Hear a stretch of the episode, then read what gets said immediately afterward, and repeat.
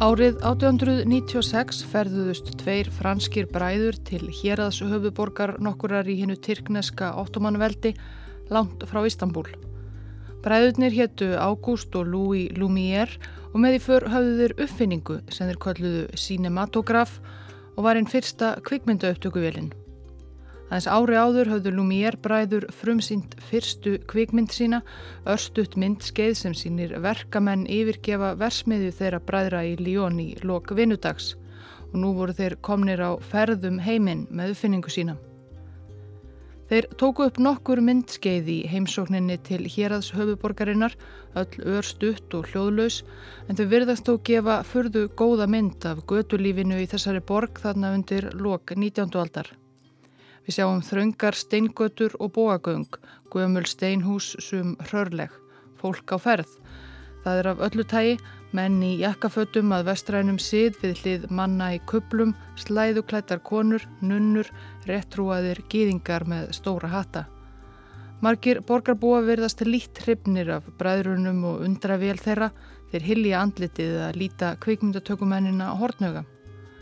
Við sjáum það sem lítur út fyrir að vera moska, bænahús muslima, kirkjur og sömuleiðis gýðinga á bæn.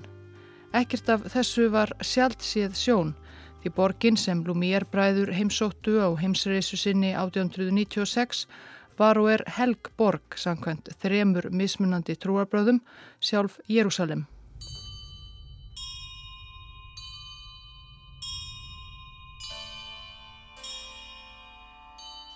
Saga Jérúsalem er svo laung að hún verður varla afgreitt í einum útastætti eða þremur. Borgin er eina af þeim eldstu í heimi sem enn er búið í. Deiltir um það nákvæmlega hversu gömul Jérúsalem er en eldstu minnir um búsetum annað þar eru um 5.000 ára gamlar. Ákveðin hluti sögu Jérúsalem er mörgum eflust kunnur úr biblíunni. Þó vissulega sé ekki líklegt að sagan sem þar kemur fram standist alveg.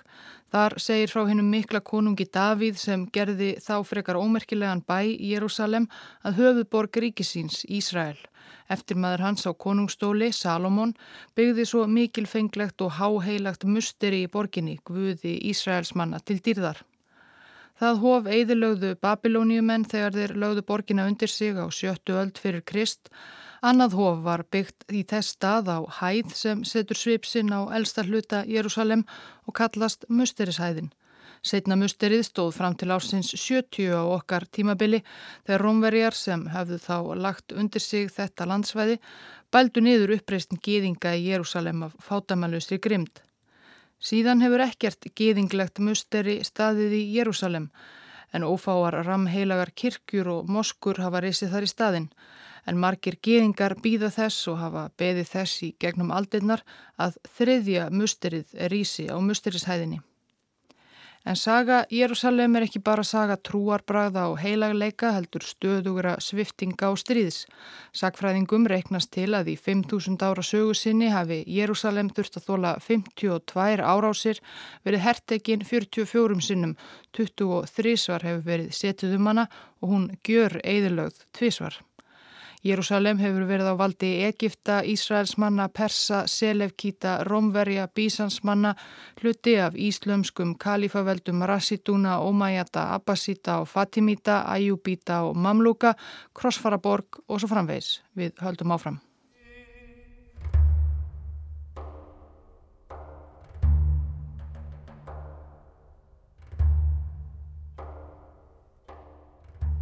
Jérúsalem bar ekki barsitt eftir gýðinga uppreysnin árið 70 og eigðileggingu setna musterisins. Gýðingar í Júdeu reyndu einu sinni aftur að rýsa upp gegn rómverskum yfirvöldum árið 132 undir stjórn Simons Bar Kopka en aftur brúðust rómverjar við með offorsi, gýðingarnir voru stráfeldir og þau ekki gerðir brottrækir úr Jérúsalem. Jérúsalem var bara frekar ómerkilegur og afskektur rómverskur bær næstu 1-200 árin eða svo, nokkuð sem verðist ofta var gerst í sögu borgarinnar í gegnum aldirnar og ártúsundin, að barist er um hana af brennandi heilugum samfæringarkrafti eitt daginn en það næsta er hún afskipt.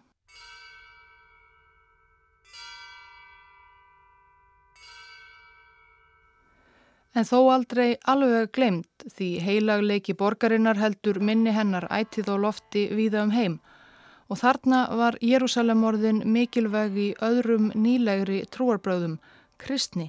Það kuð hafa verið í Jérúsalem sem Jésús var krossfestur og reys upp og lærisveinar Jésú tóku á móti heilugum anda og töluðu tungum og svo framvegis.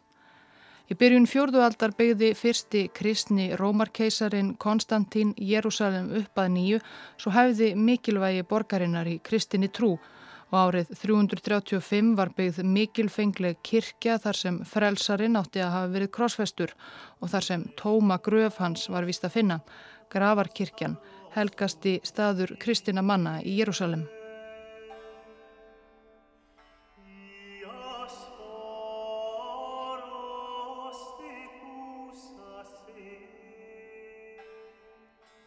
Rómaveldi varð svo smátt og smátt að hennu kristna bísansveldi í austri. Kristnir íbúar Jérúsalem nutu góðs af því áfram, aðrir ekki. Gýðingar voru áfram að mestu útilokaðir frá borginni og gýðingar utan Jérúsaleminni í nágranninu, Palestínu, áttu ekki sjö dagana sæla undir bísansmönnum heldur. Upp úr 600 nýttu hinnir persnesku sassanítar sér hnignun bísanveldisins og byrjuði að herja á landsvæði þess í Östurlöndum. Persatnir lögðu Jérúsalem undir sig eftir umsátur og mikið mannfall 614. Gýðingar Palestínu hafðu þá mátt þóla margar aldir af undirókun af hendi Kristina yfirvalda í þeirra eigin landi og hafðu loksir risið upp gegn stjórnina kristnu bísansmanna og gýðinglegir uppreysnar menn því gengið til liðsvið innrásar herr Persa sem riðist inn í Jérúsalem. Þeir fengu þó ekki njóta mikils góðs af Sigri Persa því þessi árin skipti Jérúsalem ört um hendur. Bísans menn lögðu borgina aftur undir sig 15 árum síðar þá fjallu margir gýðingar og þeir sem eftir livðu voru enn á nýgerðir brottrækir úr borginni. En friður hinn að kristnu hjælt sem sé ekki lengi því minna en áratug síðar 638 barað gardi stríðsmenn sunnan úr Arabíu Þeir aðhyldust ný trúarbröð, Íslam og voru uppfullir jamt heilagri samfæringu sem landvinningamóði að leggja undir sig stór landsvæði. Hersveitirnar leti þriðji kalifinn eða arftaki Múhameðs spámans, hersöfðingin mikli Úmar Íbn al-Khattab og voru þær ekki lengi að beigja Jérúsalem undir sig sem þá var borg djúft mörguð af stríðsátökum undanfærana ára.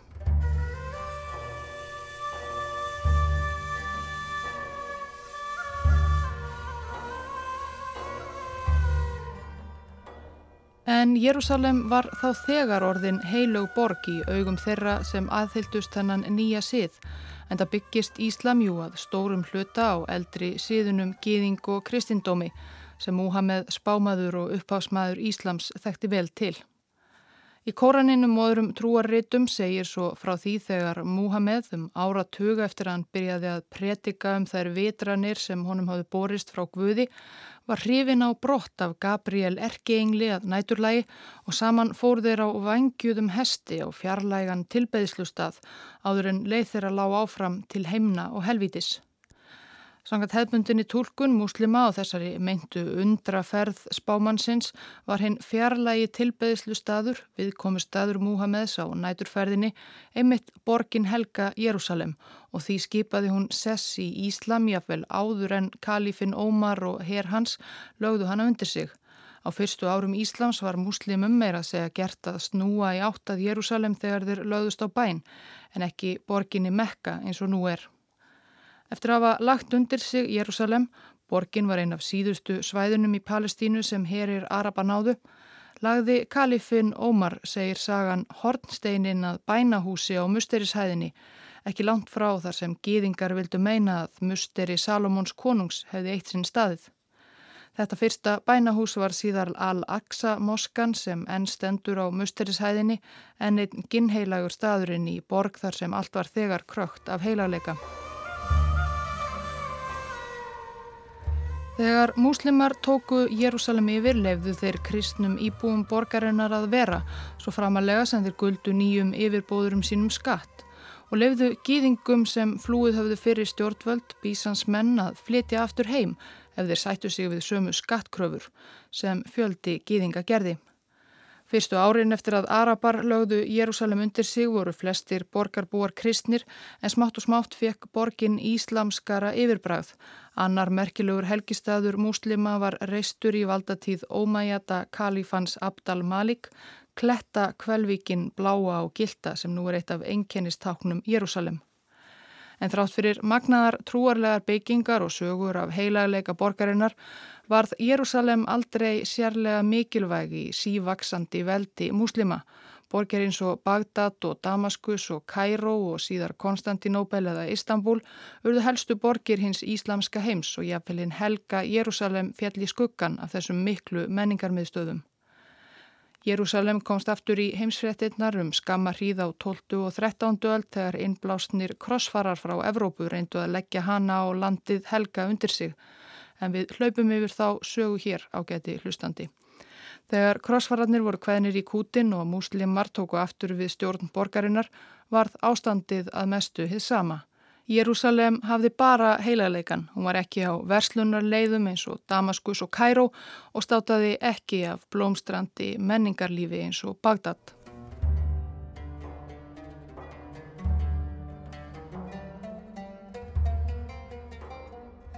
Kristnir jamt sem geðingar byggu við mikla fátækt í Jérúsalem og við mikinn skort. Það eru ekki margir kristnir þar en margir geðingar og múslimarnir ofsækja þá á ymsan hátt. Kristnir og geðingar fara um Jérúsalem í fötum sem einungis hæfa flakkandi betlurum. Múslimarnir vita að geðingarnir halda og segja jafnvel að þetta sé landið helga og fyrirreitna. Og geðingar sem þar búa eru áleitnir helgir af geðingum annar staðar og því, þrátt fyrir alla ógæfuna sem muslimatnir valda þeim, neyta þeir að yfirgefa landið. Jérúsalem hefur alltaf verið viðkomustadur pílagríma í missa trúarbræða, sama hvað á dinur og svo skrifaði einn pílagrímur, Martin Kabatnik frá Bæheimi, eftir ferð sína til Jérúsalem árið 1491. Annar evróskur pílagrímur sem fórum Jérúsalemum svipaleiti, Dominikana presturinn Felix Fabri, lísti einnig viðlíka fátækt og ömulegheitum en einnig sérstökum fjölbreytileika bæjarlífsins. Hann taldi upp allar þær þjóðir og trúarhópa sem beigðu þá Jérúsalem, gýðingar, arabar, gríkir, sírlendingar, jakobítar og maronítar og ótal fleiri tilbreyði við kristna trú, abisinjumenn, armennar, turkmennar, beduínar, assassínar, drúsar, mamlúkar.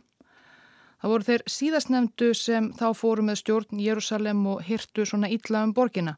Mamlúkar voru valdaætt frá Egistalandi sem hafi ráðið Jérúsalem og hluta miðausturlanda með hljöfum frá því á 13. öld. Þeir fylgdu þar á hæla ímissa annara íslamskra heimsvelda, Ómæjata, Abbasíta, Fatimita og Ajubíta.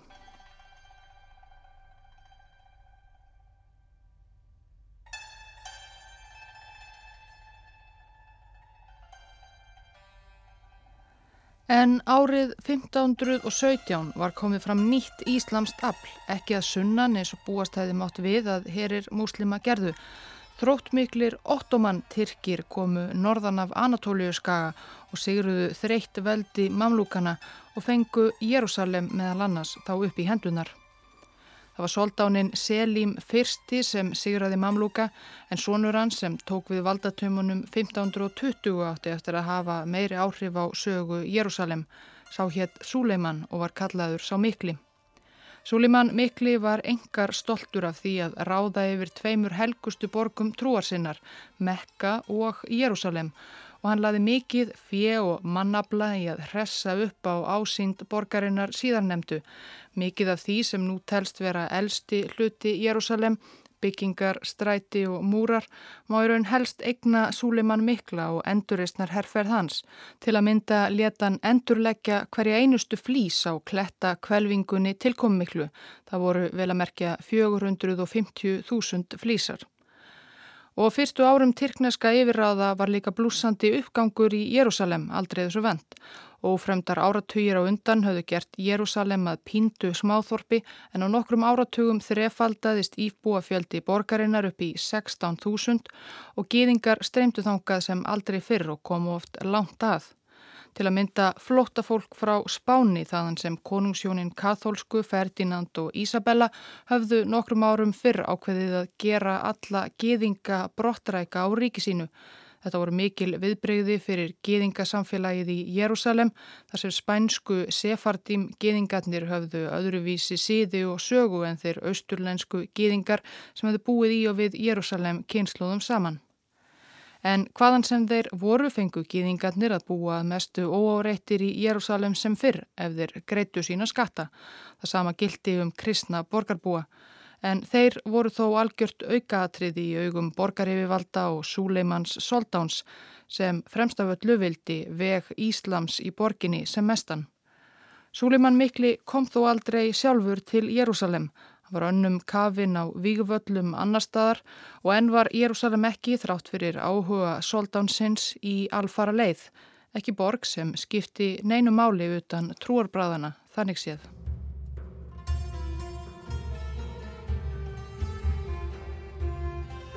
og Súlimann Mikli lést því 1566 án þess að hafa komið til Jérúsalem. Síðari soldánar ottomanveldisins deildu ekki alveg sama áhuga hans á Jérúsalem. Í hönd fór frekar tíðindalítið tímabili sögu borgarinnar. Með fölnandi áhuga soldána fölnaði hagur Jérúsalem líka en einu sinni sögu borgarinnar og efnahagurinn staðnaði. Jérúsalem var enn einu sinni úr alfaraleið og afskipt nema helst í trúarritum og ræðum. Það er erfitt að fullir það um íbúafjölda í Jérúsalem í gegnum tíðina. Á því tímabili sem hér hefur verið til umfjöllunar voru lengst af ekki haldinn áreiðanleg manntöl yfir borgarbúa. Talið er að Jérúsalem hafi risið hvað hæst á dýrðardögum setna musterisins, einhver tíman á árunum 500 til 100 fyrir Krist.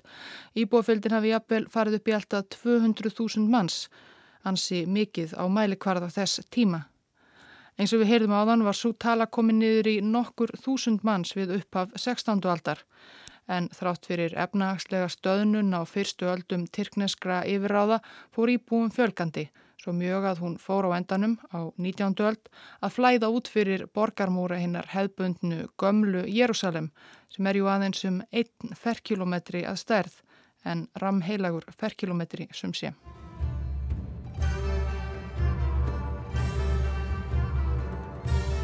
Við höldum áfram. Við upphaf 19. aldar var Jérúsalem kannski að stækka en þá alls ekki á sínu fegursta skeiði. Jérúsalem er vissulega enn höfuðborg Palestínu, var það orðað pent í einu vestrænu riti frá því rétt fyrir aldamótin, en borgin hefur nú mist mikið af fyrri mikilfenglega sínum. En orðspor Jérúsalem heitlaði þó alltaf. Á 19. öld fóru Erlend ríki, sér í lagi á Vesturlöndum, að gefa Jérúsalem sífælt meiri gætur. Vestrænu heimsveldin sendu út fálmara og útsendara til Jérúsalem Því það var líka að verða ljóst að ottomanveldið Tyrkneska myndi ekki endast að eilífu og tilugsunin um að ráða yfir borginni helgu virtist kýtla vesturlandabúa um það byrj jafn mikið og krossfaratímanum. Opnum voru sendiráð og sendiskrifstofur og kirkudildir híðan og þaðan sendu trúbóða sína til Jérúsalem til að predika sína tólkun á kristni og byggja kirkjur á kirkjur ofan. Vestrænir forlefafræðingar fóru að grafa í jörðu hér og þar í leitað heilögum munum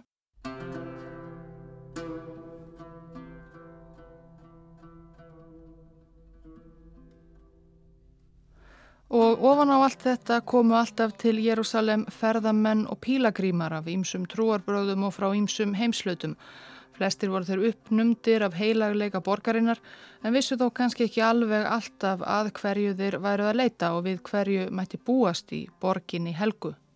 Einn hópur kristina pílagrímu umfram aðra hafði áhrif á borgarlífið.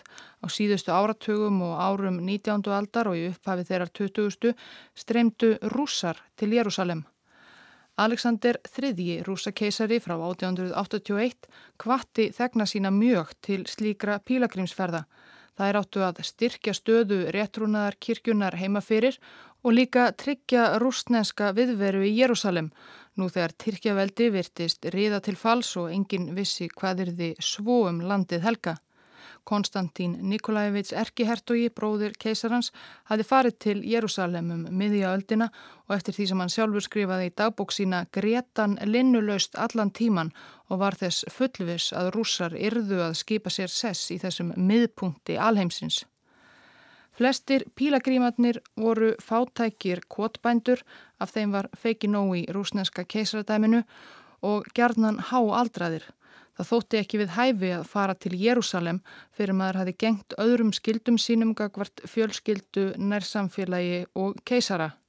Margir pílagrímanna fóru því raun til Jérúsalem til að deyja með líkklæðin í farangrinum og fátt annað, þrömmuðu svartklættar rúsneskar kerlingar því þetta voru að stórum hluta gamlar konur frá smáþorpum sínum til Ódessu, hafnaborgarinnar við Svartahaf, þaðan sem þær fengu far með sérstökum ferjum að strönd landsins helga og svo áfram til Jérúsalem.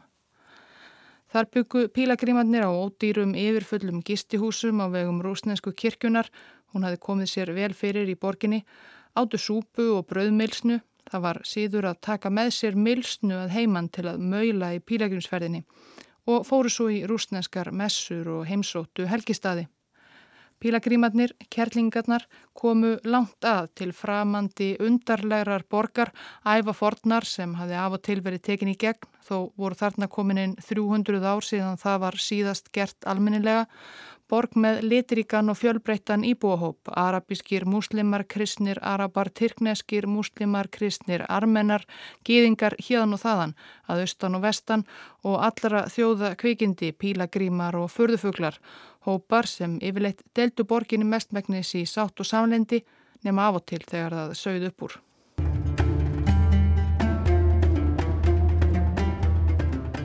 Einn besta og líflegasta heimildin um borgarlífið í Jérúsalem á þessum tíma fyrir og um aldamótin 1900 um það leiti sem Lumière bræður mynduðu tortrygna borgarbúa með kvikmyndavilsinni er dagbók Kristins arabísks Jérúsalembúa Vasif Djauharje. Vasif leka á arabísku lútuna út sem hér hljómar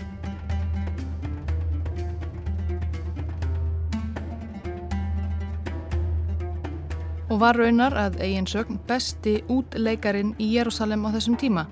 Vasíf leka á lútu sína út um allt fyrir alla, bæði lægstu og hæstu stjettir borgarbúa, gýðinga, muslima og kristna, innfætta og útlendinga og hann helt dagbók alla sína æfi frá 7 ára aldri. Breski sakfræðingurinn Simon Sebag Montefiori vittnar heilmikið í dagbókarskrif Vasífs í nöys þykri bóksinni um sögu Jérúsalem sem kom út 2011. Vasíf lýsir litríku borgarsamfélagi á fyrstu árum 20. aldar. Útlendingar, pílagrímar og ferðamenn og aðrir sem settu stað settu svipsin á borgina. Hann lýsir því þegar hann sá fyrstu bifreiðina í Jérúsalem, Ford í eigu bandarisks trúbóða, koma keirandi frá Jaffa. Það var komið bíó, sumar arabískar konur voru farnar að ganga í vestrænum fötum og drengir spiluðu fótbolta eftir skóla.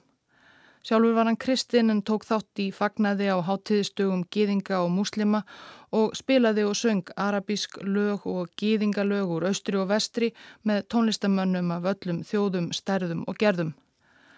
Vasíf með lútuna sína kynntist sungur leindum hliðum borgarinnar. Hann var oft fenginn til að spila í veislum, fínustu og ríkustu borgarbúana þar sem ímislegt misjamt týðkaðist, sumpl og svall. Ríkir og valdamiklir arabískir karlar úr fínustu fjölskyldum borgarinnar áttu undantekningar lítið hjákonur og margir vöndu komu sínar einnig til vandiskvenna. Það er höfðu lengi verið fátækar gýðingakonur eða þá armenskar eða grískar en nú í auknum mæli voru þær rúsnenskar úr röðum kristnu rúsnensku pílagrímana sem enn streymdu til Jérúsalem á hverju ári. Það voru ekki allt gamlar kerlingar, það voru yngri menn og konur einn á milli og ekki allir fundu í Jérúsalem eintóman heilarleika. Ég get ekki líst þeim gleðilegu áhrifum sem Jérúsalem hefur. Blekið er gagslaust þegar sálinn syngur Guð rís upp frá döðum. Þetta er allt eins og það var. Maður sér fólk klætt á sama háttu á tímum biblíunar, í sömu kápunum og undarlegu köplunum og í gamla testamentinu. Ég fell í stafi. Skrifaði einn rúsneskur pílagrímur í annari ferðsinni til Jérúsalem um páskana 1911. Hann var þó ekki bara hrifin af borginni. Hann lísti því líka hvernig margir landa hans höguðu sér og þeim glapstígum sem sumir þeirra lendu á. Brennivinnið er allstæðar og þeir drekka það því það er svo ódýrt. Það eru aðfenskar nunnur sem brugga það. Nunnur ættu alls ekki að fara til Jérúsalem. Flesta nunnur í Jérúsalem vinna fyrir utan hinna eiginlegu helgu borg. Ég þarf ekki að útskýra frekar hvað ég á við. Allir sem hafa farið til Jérúsalem skilja hvernig ungir bræður og sýstur geta gert þar mikil mistök. Það er mjög erfitt fyrir stúrkur. Freystingin er mikil og óvinnirnir eru hríkalega öfundjúkir. Margar þeirra enda sem hjákonur eða götukonur. Maðurinn sem þetta skrifaði þekkti sannarlega vel til hverskinn svats og svínarís því það var munkurinn allræmdi sjálfur Rasputín sem skrifaði. Hann kom fyrst til Jérúsalem sem óbreyttur pílagrímur 1903 og svo aftur 1911 þegar Nikolás Annar rúsakeisari ákvaða senda hann burt um stund. Þá voru gaggrinnisrattir heimaferir um óeðlileg áhrif þessa drikju og kynlífssjúka menta munks við rúsnesku keisarahyrðina orðnar nokkuð háværar. Af þessum lýsingum að dæma hefur Rasputín á meðan útlegað hann stóð öruglega fundið eitthvað við sitt hæfi í borginni Helgu.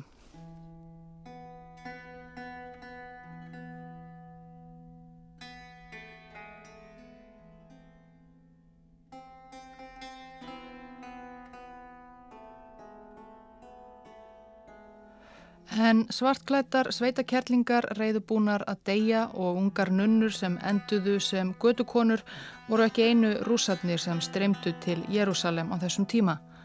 Fadir Nikolásar Annars og forveri hans á keisarastóli í Rúslandi, Alexander III, var engin sérstakur vinur gýðinga og kendi þeim í raunum flest sem miður fór í keisaradæmi hans frá fyrsta degi.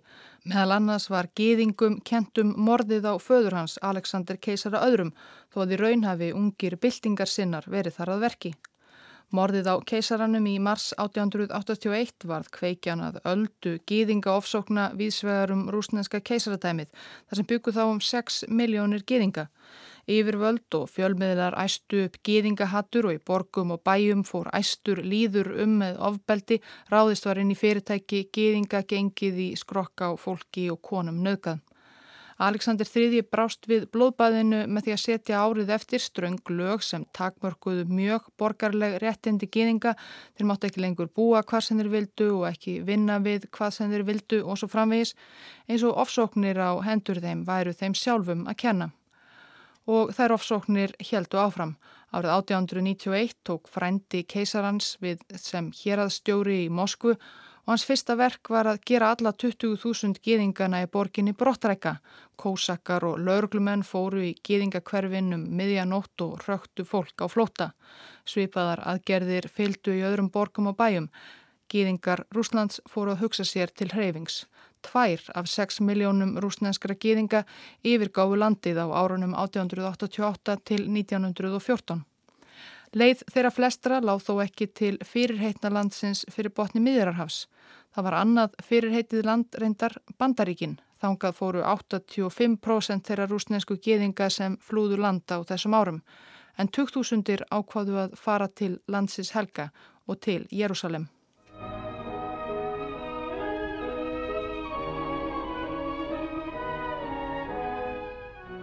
Það voru meðal annars hryllingsfrettir af rakningum rúsneskra gýðinga sem urðu til þess að löglærður, bladamaður og gaggrínandi í Vínarborg í Austuríki fóru að hugsa meira um uppruna sinn. Theodor Hersl var gýðingur að uppruna en hafði aldrei gefið því mikinn gaum að hann væri gýðingur. Hann var mið-evróskur mentamaður fyrst og fremst, kunni kvorki hebreusku nejittisku, helt jól með jólatri og öllu og let ekki umskera sinni sína.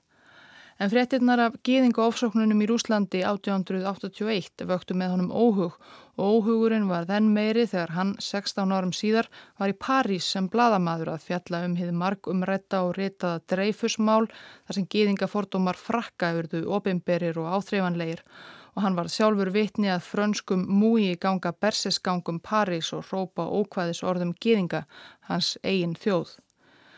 Til að gera langasögu stutta auðru þessir atbyrðir til þess að Hersl var sannfærður um að þrátt fyrir að hann sjálfur hefði um hríð haft að svo gott sem mið-evróskur mentamaður gæti almenn aðlögun gýðinga að evrósku samfélagi ekki gengið.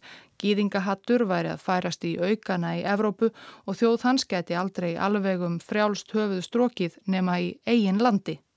Hann lagði allt annað á hilluna og varð ötull baráttumadur fyrir þessari hugmyndsinni skrifaði greinar og bækur, helt fundi og rástefnur. Herst er í dag kallaður fadir síónismans þeirra stefnu að gýðingar eigi að búa í eigin ríki, stefnu sem hann gaf vissulega byrundir báða vengi með beittum skrifum sínum og baráttu. Það var þó engin ný hugmynd, orðið síónismi af þið þegar verið fundið upp meira að segja og svo að segja alla tíð það er gýðinga utan Palestínu dreymtur ljóst eða óljóstum að snúa aftur til heimalandsins forna Síón er annað nafn á Jérúsalem. Á næsta ári verðum við í Jérúsalem, sögðu gýðingar yðurlega á háttíðistögum, hvort sem þeir voru þá í Kraká, Vín eða New York. En þá var hugmyndinum hvort, hvenar og hvernig þeir ættu að snúa aftur til Jérúsalem mjög óljós. Já, þar til Theodor Hersl kom til sögunar.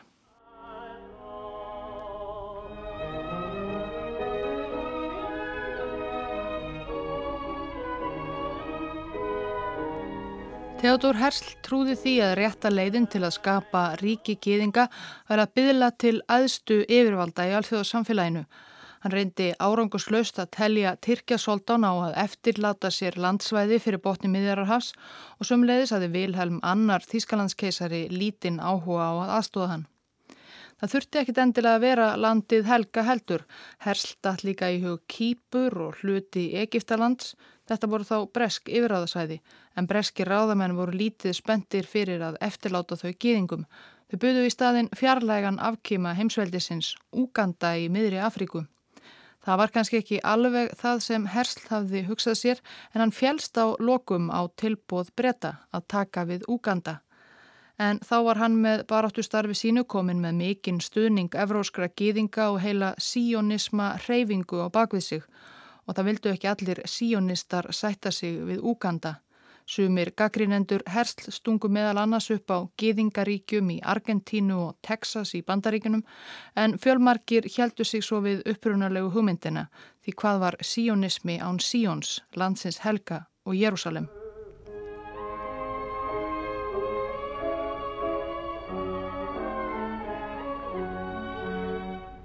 Hersl lést árið 1904 aðeins 44 ára gammal án þess að Úganda verkefnið hafi komist almennilega af stað og án þess að hafa séð draumsinnum gýðingaríki rætast en Hersl hafi áorkað ímsu og hann hafi hrifið marga með sér. Meðar þeirra var drenguranafni David Grún, fættur og uppalinn í bænum Plonsk í Pólandi sem þá tilherði rúsneska keisaraveldinu. Grún var aðeins 18 ára þegar Hersl fjell frá en drengurinn hafði dáð hann og verk hans frá unga aldri, fadir hans tilherði síjónista félagi og drengurinn ungliðar hefingu þess og hann var látin læra forna tungumálið hebresku og hann dreymdi um fyrirheitna landið. Frá 1903 til 1906 reið önnur alda ábeldisfull skýðingahatturs yfir rúsneska keisaraveldið en verri en svo 1881 til 1886. Það byrjaði í Kísinev, höfuborg Bessarabíu, þegar dagblöð sökuðu gýðinga um að hafa myrt tvö borðni í borginni til að nota blóð þeirra við helgjatafnir. Kristnir borgarbúar trúðu þessu, gengu bersesgang og lömdu og myrtu gýðinga. Ofbeldis svallið barst svo til annara borga og bæja í keisaraveldinu. Og önnur bylgja gýðinga flúði þá Rúsland og nú ákváðu fleiri að leita til landsins helga og setjast þar að í vonum meira öryggi og fleiri tækifæri. Meðal flótafólksins var David Grun sem fór tvítugur 1906 með ferju frá Ódessu til landsins Helga. Hann fór ekki til Jérúsalem. Í þessari bylgu flótamanna voru margir ungir, dugmiklir geðingar eins og David Grun sem voru drifnir áfram af nýjum hugmyndum og hugssjónum og þeir hafði ekki endilega svo mikið áhuga á Jérúsalem sem var gömul og ríkug þó heilög væri. Í staðin stopnuðu innflytjandunir nýja borg við ströndina rétt hjá Hafnarborginni Fortnu Jaffa og nefndu hana Tel Aviv. Þeir komu upp samirkju búum, kipputsum, sokulluðum norðar í landinu.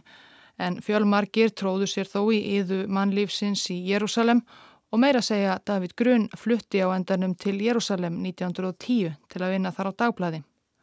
Um svipaleiti tók hann upp nýtt hebrest eftirnafni sem margir innflytjandur í landinu gerðu og var þannig David Ben Gurion og David Ben Gurion átti sannarlega eftir að hafa talsverð áhrif á sögu Jérúsalem síðar meir.